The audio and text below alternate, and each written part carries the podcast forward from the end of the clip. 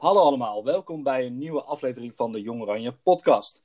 De podcast waarin we het werk van een jong professional in de sport centraal stellen en jullie zo op de hoogte houden van de ontwikkelingen in de sport. We gaan het vandaag in de podcast hebben over clubkadercoaching. Dat ga ik doen met uh, de gamechanger van de eerste aflevering, Roel van der Weijden. Roel, welkom in de Jong Oranje podcast. Wil je jezelf even voorstellen aan luisteraars en vertellen wat je doet in de sport? Hallo Tanner. Ja, superleuk. Dankjewel dat ik uh, uitgenodigd ben om in deze podcast aanwezig te zijn. Mijn naam is Roel van der Weijden. Ik ben 27 jaar. Ik heb de opleiding bestuurs- en organisatiewetenschappen gevolgd. Uh, daar heb ik de master gevolgd, sportbeleid en sportmanagement. Uh, vanuit die opleiding kwam ik bij de Korfbalbond terecht, waar je zeg maar, werkervaring moest opdoen of ja, stage lopen. en dat heb ik toen twee jaar gedaan. en later ben ik drie jaar daar echt werkzaam geweest. Dus in totaal heb ik een periode van vijf jaar lang daar gezeten. Echt een superleuke tijd gehad. Uh, maar sinds kort, sinds 1 maart, heb ik de overstap gemaakt naar NOC-NSF. Waar ik projectleider ben Club Kadercoaching. Uh, dat doe ik overigens samen met mijn collega Jens van der Kerk. En uh, ja, voor mijn gevoel werken we fantastisch samen. Dus dat is echt een hartstikke leuk project. En daar ga ik je straks meer over vertellen. Ja, super. bedankt Roel. We gaan de luisteraars zo meenemen in de podcast. In het waarom en hoe van het coach van Clubkader. En natuurlijk ben ik benieuwd wie jouw gamechanger in de sport is. Uh, wie jou inspireert en wie je nomineert om te gast zijn in deze, in deze podcast. Maar voordat we dat doen, je vertelt net dat je in maart bent uh, gestart bij NOC-NSF. En nog voordat je alle handen hebt uh, geschud, wat begin maart ook niet meer mocht, zat je thuis. Hoe is het om bijna vanuit huis aan een nieuwe baan te beginnen binnen zo'n grote organisatie? Ja, inderdaad. Dat is inderdaad een hele bizarre tijd. 1 maart dus begonnen en halverwege maart moesten we met z'n allen thuis gaan werken ik had het voordeel dat ik vanuit de Korfbalbond al een heel aantal collega's kende van, uh, van NOC-NSF. Maar toen ik uh, in de eerste twee weken daar uh, op Papendal was, merkte ik ook wel dat ik een hele grote groep nog niet kende. Dus inderdaad, de introductie van mezelf verliep net even wat anders. ja, ik probeerde de structuren te leren kennen binnen de organisatie, maar ook de cultuur. En dat gaat nu allemaal wel, wel digitaal. Ja. En eerlijk gezegd gaat dat uh, best wel prima hoor. Dus uh, ja, ik probeer wel gewoon proactief uh, afspraken in te plannen met, met collega's. Om mezelf voor te stellen, het project toe te lichten. Maar ook even te kijken van hey, waar kan ik mijn collega's in helpen. dus ik mag eigenlijk niet klagen, hoewel het wel echt een, een bijzondere tijd is. Ja, ja. ja ook ja, toch bijzonder dat deze tijd ook dit met zich meebrengt. En dat je, dat je gelukkig proactief op zoek gaat naar je, naar je collega's. Uh, uh, Roels, voor de mensen die nog niet zo bekend zijn met uh, clubkadercoaching, kun je toelichten wat dat, wat project nou inhoudt? Ja, zeker. zeker. Ehm, even een, klein aanloopje hoor, dus ik moet even een stapje terug in de tijd. In 2017 werd ik al gedetacheerd van het Korfbalverbond naar NOC-NSF. Dat was toen nog onder het programma Veilig Sportklimaat. En daar deed ik ook samen met Jens het project Trainersbegeleiding. En de aanleiding daarvan is dat we merkten dat een hele grote groep trainers en coaches gewoon met hun handen in het haar zaten als ze een training moesten verzorgen. Uh, nou, bij wijze van spreken kregen ze een zak met ballen mee vanuit de, vanuit de club en uh, zoek het verder uit.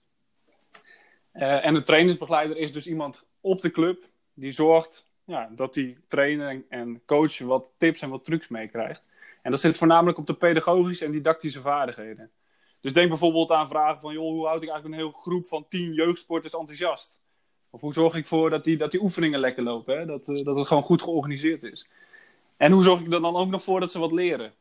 Uh, dus best wel lastig, zeker voor een beginnende trainer en coach. Daarvoor hadden we zeg maar, het fenomeen trainingsbegeleiding uh, bedacht. en dat programma richtte zich volledig op de sportbonden. Dus we waren met een groep van 10 tot 12 sportbonden dat programma hadden we ingezet. En we merkten dat dat echt hartstikke goed aansloot. Dus dat fenomeen van het begeleiden van trainers en coaches, ja, daar was hartstikke, hartstikke veel enthousiasme over. Want dat was, ja, dat, dat ervaarden ze gewoon als een van de belangrijkste sleutels als het gaat om sportplezier en de ontwikkeling van, van jeugdsporters. Uh, wat we alleen merkten in dat project, zeg maar, van trainersbegeleiding, is dat uh, clubs hartstikke enthousiast waren, bonden waren hartstikke enthousiast. Alleen het was best wel lastig om ja, meer uh, na te denken over vraagstukken die betrekking hadden tot implementatie en de borging van trainersbegeleiding. Dus joh, hoe vind ik überhaupt een trainersbegeleider? En als die trainersbegeleider dan na één of na twee jaar weg is, ja, hoe vind ik dan weer een opvolger van die trainersbegeleider? Uh, oftewel, hoe zorg je ervoor dat je binnen die club een hele goede structuur hebt staan? Uh, dat het eigenlijk een hele normale zaak is. En dat het dan gewoon een, ja, een normaal ding is binnen de club, dat continu wordt verzorgd. En precies toen we daarover aan het nadenken waren, kwam in 2018 het Nationaal Sportakkoord om de hoek. Dat zegt jou waarschijnlijk ook wel wat.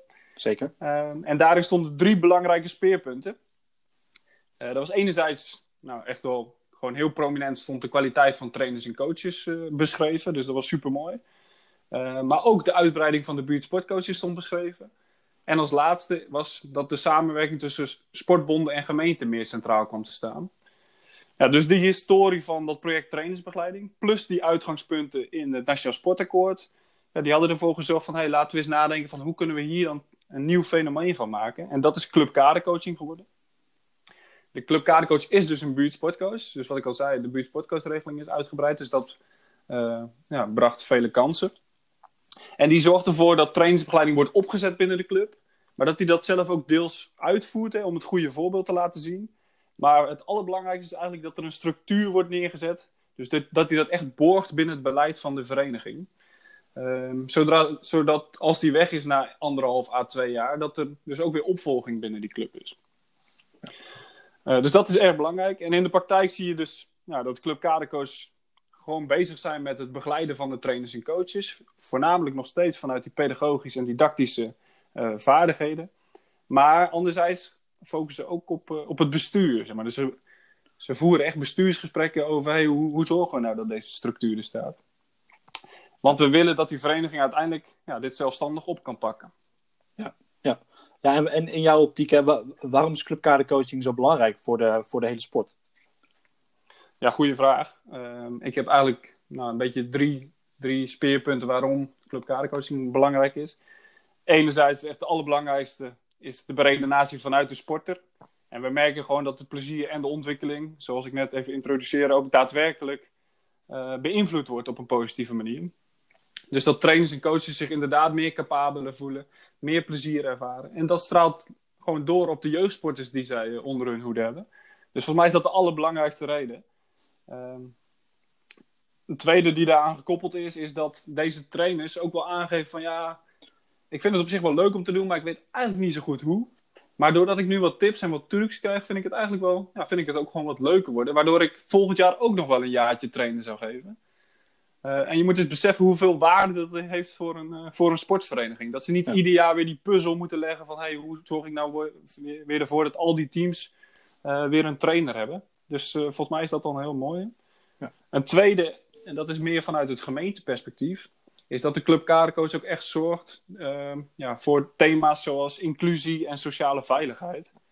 Uh, misschien moeilijke termen, maar plat, gezegd gaat dat erover. Van, joh, hoe zorg je er nou voor dat echt iedereen binnen die club, binnen dat team mee kan doen? Uh, of je nou binnen een kwetsbare doelgroep valt of een, groep met een, met een beperking. Uh, en hoe zorg je ervoor voor die sociale veiligheid? Hè? Dus hoe hoe zorg je ervoor dat pestgedrag niet getolereerd wordt, bijvoorbeeld? Uh, dus dat is volgens mij een belangrijke uh, ja, reden om clubkadercoaching, uh, om daarmee aan de slag te gaan.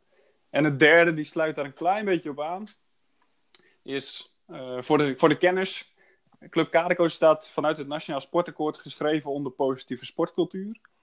En dat vind ik eigenlijk wel heel erg mooi. Want bij positieve sportcultuur wordt vaak gedacht aan nou, hoe zal ik het zeggen, zeg maar het handhaven van de regeltjes. Uh, met alle respect, want dat is hartstikke goed. Denk aan bijvoorbeeld een VOG of een uh, vertrouwenscontactpersoon. Maar als je echt nadenkt over de term positieve sportcultuur, dan gaat het over cultuur. En cultuur gaat over het gedrag van mensen. En volgens mij is er niks mooiers en beter dan dat je gedrag gaat beïnvloeden vanuit een mens. Dus een clubkadercoach is ook echt daadwerkelijk iemand op de club die toeziet op dat gedrag. En dus die norm bevestigt van, hey, laten we nou eens een nou, letterlijk een positieve sportcultuur hier neerzetten en een veilig sportklimaat. Dus ik denk dat dat drie belangrijke redenen zijn om, uh, ja, om aan de slag te gaan met clubkadercoaching. Ja. ja, heel erg mooi. Hè? Dat, we, we zijn al meteen even de inhoud ingedoken met ook de kant van de implementatie op de vereniging. Uh, zou je nog iets meer weer kunnen uitzoomen en, en nog iets meer context kunnen scheppen over het veld van, van kader binnen de sport? Ja, goede vraag. Uh, misschien dan even een terugvraag aan jou, Tanner een klein quizje. Ja, leuk. um, hoeveel trainers denk je dat we hebben in Nederland? Echt over het uh, algemeen, alle, alle trainers die, uh, die we hebben bij de uh, sportvereniging.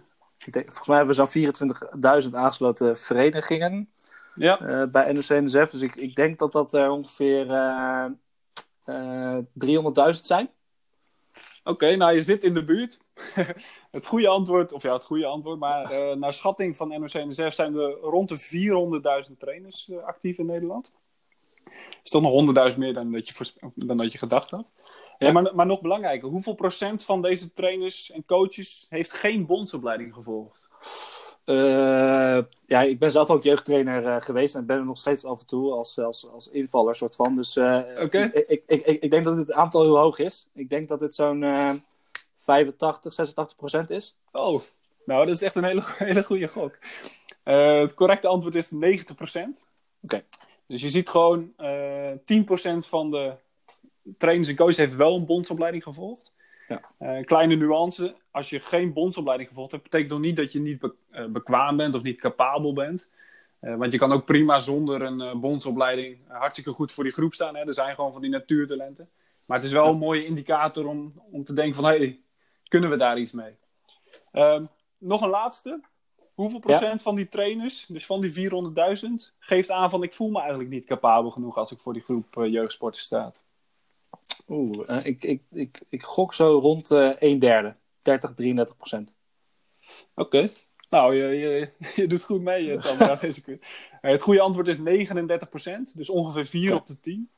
En als je deze cijfers, dit noemen we ook wel onze urgentiecijfers, naast elkaar legt, dus we hebben 400.000 trainers, 90% heeft geen bondsopleiding, 39% voelt zich niet capabel, dan denk je, ja shit, daar moeten we wat mee. Ja. Eh, nou, ik kom zelf van de Korfbalbond, zoals ik mezelf introduceerde. Eh, en ik merk gewoon dat sportbonden heel erg focussen in hun beleid op de opleidingen. En dat is ook goed, want ze willen gewoon die trainers capabel maken. Eh, maar je merkt dus dat je maar 10% van die trainers bereikt. Ja. ja, dus hoe mooi is het dan dat we niet aan de opleidingenkant gaan zitten, maar meer aan de begeleidingskant. Dus dat er iemand op de club is, gewoon aan wie je je vraag kan stellen. Dat je weet van, hey, als ik ergens ja, tegenaan loop, dan is er iemand bij wie ik mijn hulpvraag kan stellen. En alleen dat gevoel dat er iemand op de club rondloopt, ja, dat blijkt al hartstikke veel eh, nou, waarde te hebben voor die trainers en coaches. Van hey, ik sta er niet alleen voor. Als er iets is, kan ik dat eventueel bij, bij iemand neerleggen. Ja, mooi, eh, mooi, eh, mooi dat je dat zo hebt eh, geschetst, Roel. Ik, ik las ook in een uitgebreid artikel van Alles, alles over Sport. dat jullie in 2019 eh, zijn gestart met een pilot met Clubkadercoach. Met zeven gemeenten en, acht sportbonden. Kan je uitleggen hoe die pilot eruit ziet? Wat voor doel heeft die, heeft die gehad? Ja, je hebt je goed ingelezen. Dat klopt inderdaad. Ehm, en dat komt een beetje, wat ik zei, het Nationaal Sportakkoord is in 2018 gepresenteerd.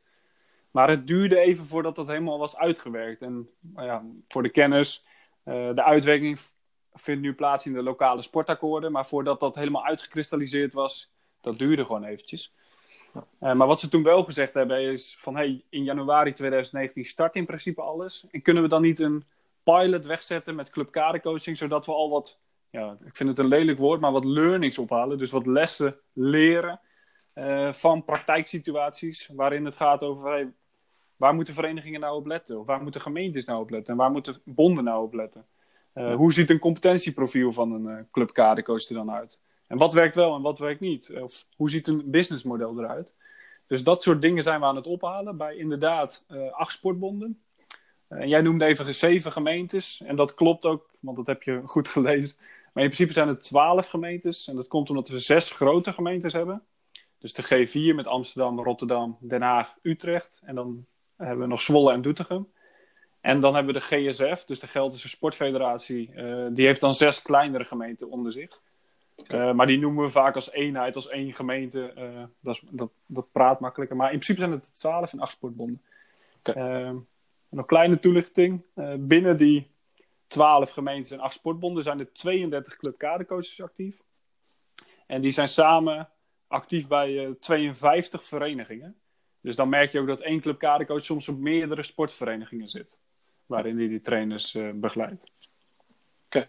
En kan je ook uh, voorbeelden noemen van die, van die eerste pilot? Uh, laten we beginnen met een, uh, met, een, met een positieve case, waar je de clubkadercoaching heel erg ziet, ziet werken binnen een vereniging. Ja, leuke vraag. Ehm, sowieso heb ik het gevoel dat de algemene tendens is dat het heel positief ervaren wordt hoor. er loopt trouwens een monitoring onder dit hele traject, of ja, hoe je het ziet, om echt deze resultaten hard te maken. Maar twee positieve cases wil ik even noemen. De eerste is hockeyclub HDM in Den Haag. je merkt dat die club Kadercoach daar supergoed werk heeft verricht. Want die heeft gezorgd dat het fenomeen, het begeleiden van trainers en coaches nu in het beleid van die club staat, staat beschreven. Dus het is echt verduurzaamd daar en geborgd. En wat super mooi is daar, is dat ze de koppeling hebben gemaakt met het onderwijs. Dus HDM heeft nu connecties met de Haagse Hogeschool. Uh, en die hebben dan weer studenten, afstudeerstudenten, die actief kunnen zijn als, zeg maar, uh, hoe zeg je dat, junior clubkadercoach. En die ondersteunt vervolgens weer die clubkadercoach vanuit, uh, vanuit de gemeente Den Haag. En je merkt dat die samenwerking met onderwijs gewoon hartstikke goed is. Met als resultaat trouwens dat één afstudeerstudent nou, zo positief ervaren werd bij die club, dat die club nu heeft gezegd, nu die is afgestudeerd, van hey, wij nemen jou in dienst, wij betalen ook uh, jou, nou, gewoon jou, uh, jouw salaris. Dus ja, die heeft dat gewoon letterlijk overgenomen. Dat vind ik wel echt een heel mooi voorbeeld. En de ja. tweede ehm, vind ik ook een hele mooie, dat is korfbalvereniging Fiducia uit Utrecht. En ja, ik ben daar zelf een klein beetje bij betrokken geweest in de aanloopfase. Maar je merkte toen dat die club eigenlijk nog niet zo goed wist wat dit allemaal was. en de Sportbond, dus de Korfbalbond en uh, de gemeente Utrecht, Sport Utrecht in dit geval. Ja, die hebben eigenlijk die club een beetje overtuigd van joh, dit is hartstikke goed, doe mee. Uh, nogmaals, zonder dat die club eigenlijk goed wist wat het nou precies was. En je merkt dat die club al binnen no time uh, zoveel enthousiasme had gecreëerd binnen die, binnen die club. bij de trainers en coaches, maar ook bij de bestuurders. En ze zagen volgens mij binnen drie à vier maanden al de waarde van die club Kadekoos. en wat ik hier heel mooi vind, is dat er een stuk of vier, vijf uh, vrijwilligers om die clubkadercoaching coach heen bewegen. Die hebben gezegd van, joh, zodra jij weg bent over anderhalf jaar, dan pakken wij dit op. Dus eigenlijk was de borging en de overdracht al gerealiseerd na drie à vier maanden. En moest die clubkadercoach alleen nog maar, zeg maar die, die vier à vijf vrijwilligers inwerken om, uh, om te kijken van hoe, hoe werkt het nou en wat doe je dan? En hoe zorg je ervoor dat dit uh, zometeen echt structureel staat binnen de club? Dus dat ja. vind ik ook een mooi voorbeeld. Heel mooi. Uh, het, het, is natuurlijk een pilot. Dan ben ik ook benieuwd naar welke uitdagingen zie je dan in de eerste pilot. Hè? De, de learnings waar je het net over had. Kan je daar ook een uh, voorbeeld uh, bij geven? Ja, je zegt het goed. Het is inderdaad een pilot. Dus we gingen er ook niet vanuit dat alles 100% verliep, goed verliep. ik heb niet per se één specifieke vereniging waarvan ik denk, hey, daar, daar hadden we uitdagingen. Maar wat we over de algemene lijn zien is klinkt een beetje als open deur, maar het is wel echt belangrijk is dat die voorfase en de randvoorwaarden bij de verenigingen goed op orde staat, is. Uh, met die voorfase bedoel ik eigenlijk van, joh, is die club er nou ook echt klaar voor? Hè? Is er voldoende focus bijvoorbeeld? Zijn er niet allerlei andere beleidsthema's die uh, in dit anderhalf jaar traject ook spelen? Bijvoorbeeld een groot accommodatievraagstuk, hè, wat ook belangrijk kan zijn. Dus is er voldoende focus? En snappen die clubs dan ook zelf dat ze aandacht moeten geven aan die clubkadercoach? Want ja, die clubkadercoach komt ook maar nieuw bij zo'n club en die moet ook die cultuur leren kennen. Uh, is er bijvoorbeeld een aanspreekpunt vanuit het bestuur of vanuit de technische commissie? Dus dat soort randvoorwaarden, ja, we merken dat die gewoon ook hartstikke belangrijk zijn. Uh, en daarmee ja, valt of staat uh, ja, het project of het fenomeen clubkadercoaching. Dus clubs moeten ook echt wel realiseren van... Hey, er wordt ook echt wel wat van ons gevraagd. Het is niet zomaar een cadeautje van hier heb je een clubkadercoach en veel plezier ermee. Nee, we vragen dus ook wel wat van... Hey, jullie moeten er ook echt zelf aandacht aan, aan besteden. Volgens mij is dat ja. de belangrijkste learning, zeg maar, als, als het gaat om uitdagingen. Ja, ja waar, waar, waar ik nog iets meer over zou weten, Roel. Uh, we, we, hebben het heel erg over de, de samenwerking, ook wel gemeente Sportbond. Uh, ja. hoe, verhou, hoe verhouden die verschillende partijen uh, zich tot elkaar? Wat, wat, wat maakt die samenwerking nou bijzonder? Ja, hele mooie vraag trouwens. Want dit is echt heel rele relevant binnen, onze, binnen ons pilot traject. Ehm, ja, wat ik super mooi vind is dat die Club inderdaad die verbinding maakt tussen de sportbond en de gemeente.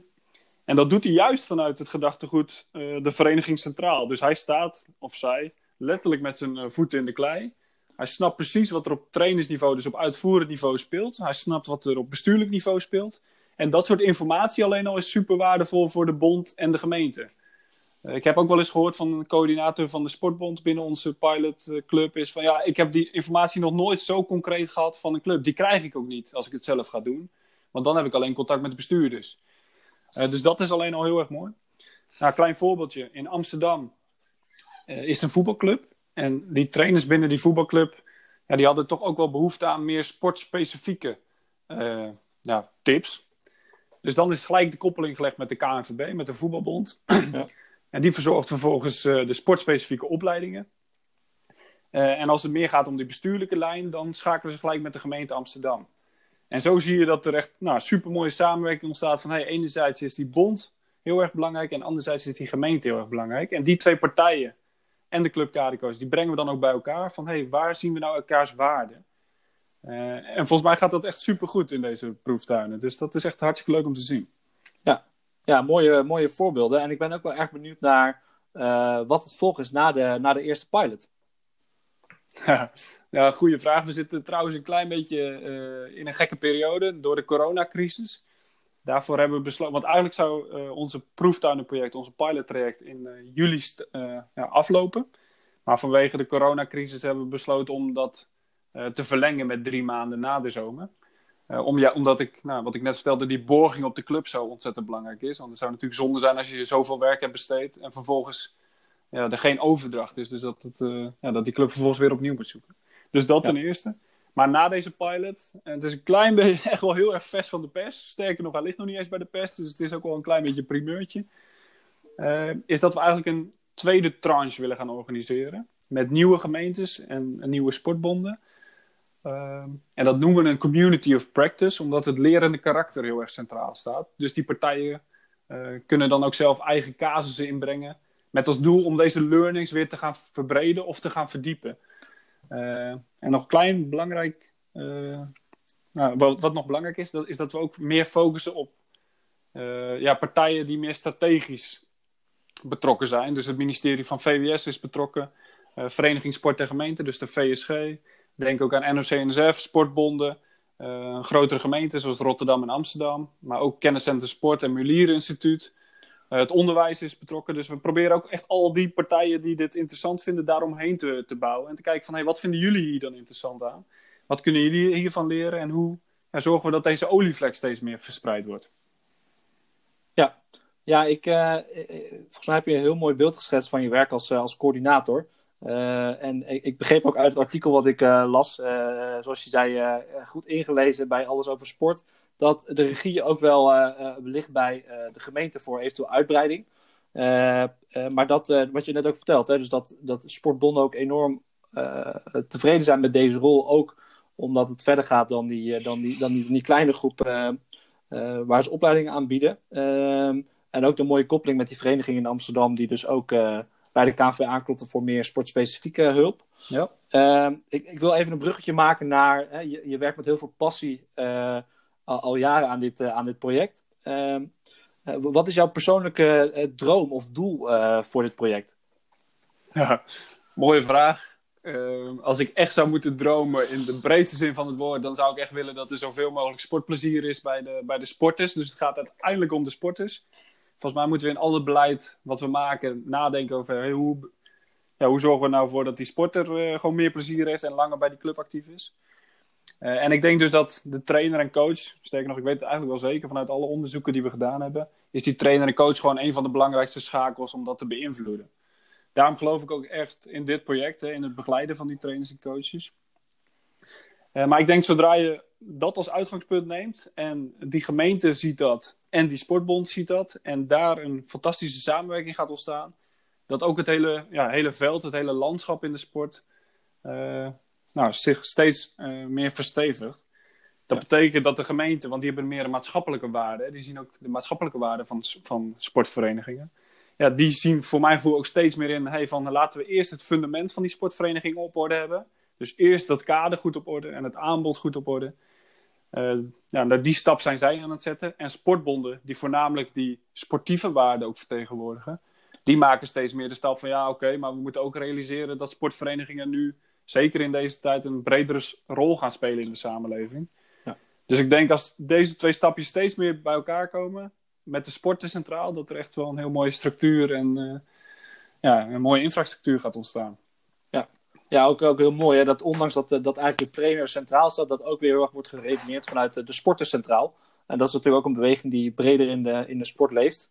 Uh, uh, bedankt voor deze mooie inzichten, Roel. Dat brengt ons alweer naar het laatste deel van deze podcast, namelijk onze rubriek de Game Changers in de sport. waarin onze gast vertelt wie zijn game changer in de sport is en wat we van diegene kunnen leren. En ik, ik hoorde, Roel, voordat we de opname begonnen, dat jij zelfs twee game changers in de sport hebt. Dus ik ben gewoon heel benieuwd. Vertel. Ja, klopt. ik ga een klein beetje vals spelen. Want ik heb in de vorige podcast van jullie gehoord. Wat overigens echt een aanrader is om te luisteren. Uh, dat dit onderwerp al aan bod kwam. En ik heb eigenlijk maar één hele echte game changer. En de andere zou ik zo meteen benoemen. Maar dat is meer echt een, ja, een uh, aankomend talent. Zeg maar, een aanstormend talent. Maar mijn game changer is echt voor 100% Job van Eunen. Uh, hij was mijn collega bij, bij de Korfbalverbond. En ja, hij heeft echt wel letterlijk mijn kijk op de wereld veranderd. Ja, dat klinkt misschien zo hoog over, maar het is wel echt zo. Job is echt de allerbeste in het individueel aandacht geven voor mensen. Dus hij kijkt echt naar wie je bent. Uh, en niet zozeer in wat kan je dan goed. Dus vaak hebben mensen de neiging van, oh, die is goed in dat. En dat kan die goed, dus daar kunnen we hem of haar voor gebruiken. Maar Job kijkt echt naar de persoonlijke drijfveren van mensen. Hè? Van waarom doet hij dat dan? En ja, wat is dan uiteindelijk uh, ja, de, de, de drijfveer van het bepaalde gedrag dat, uh, dat ja, hij of zij uit. Dus het waarom staat voor Job echt helemaal centraal. En ja, als je vanuit daar gaat kijken naar die drijfveren van mensen, uh, ja, dan leer je mensen gewoon op een zo andere manier kennen. En dat, ja, dat is wel echt een eye-opener voor mij geweest. Ik merk ook gewoon bij collega's dat, dat, nou, dat iedereen het gewoon fijn vindt om even met Job te praten. Gewoon om, omdat ze helemaal zichzelf kunnen zijn bij Job. Ja, Job laat ze letterlijk in hun waarde. Die, die vraagt echt door, die neemt niet genoeg met van nee, dit heb je gedaan. Maar je moet echt jezelf zijn bij Job. En uh, nou, volgens mij is dat echt een uh, hele, heel groot talent dat Job heeft. Dus zeker een gamechanger voor mij. en een tweede, aanstormend talent, komt ook van de Korfbalverbond. Dat is Pleun van Doornik. het grappige is dat ik Pleun zelf nog begeleid heb toen zij stage kwam lopen bij de Korfbalverbond. maar Pleun is echt net een spons, vind ik. Dus die absorbeert kennis en informatie en die kan dat ook nog op een fantastische manier uh, toepassen. Uh, nou, het geinige is, Pleun heeft een, een psychologie-achtergrond, sport- en prestatiepsychologie. En eerlijk gezegd wist ik op dat moment niet zo goed wat ik ermee moest. Van, hebben we daar dan een opdracht voor liggen binnen de Korfbalverbond? Maar psychologie gaat natuurlijk ook heel erg over het gedrag van mensen. En trainingsbegeleiding ook. Dus ik dacht, laten we het gewoon proberen. En dat is uiteindelijk echt een, een super goede zet geweest. Dus het lijkt mij super leuk als je nog een podcast gaat maken, Tanne, dat, uh, dat je Pleun eens een keer uitnodigt. En om ook eens kijken, om te kijken vanuit die sportpsychologiehoek, nou, hoe zij dat allemaal benadert. Ja, een heel mooi perspectief, Roel, op de sport. bedankt voor deze nominatie in ieder geval. en dat brengt het ook weer aan het einde van deze derde aflevering van de Jong Oranje podcast. Uh, Roel, ik wil je bedanken voor je tijd en verhaal. Succes de komende periode met het uitrollen van de, van de tweede pilot. Ja, dankjewel Tander. Ik vond het echt superleuk om, uh, om hier aanwezig te zijn. Nou, dat is heel leuk om te horen. En voordat ik afsluit wil ik je nog even herinneren aan de grote Jong Oranje Niet Sportzomerquiz. Die wordt georganiseerd op de avond dat het Europees kampioenschap voetbal zou starten. Op 12 juni. Uh, check even wij zijn meld je aan, dan zien we elkaar daar. en dan online. voor nu wil ik jullie bedanken voor het luisteren. blijf gezond en tot snel.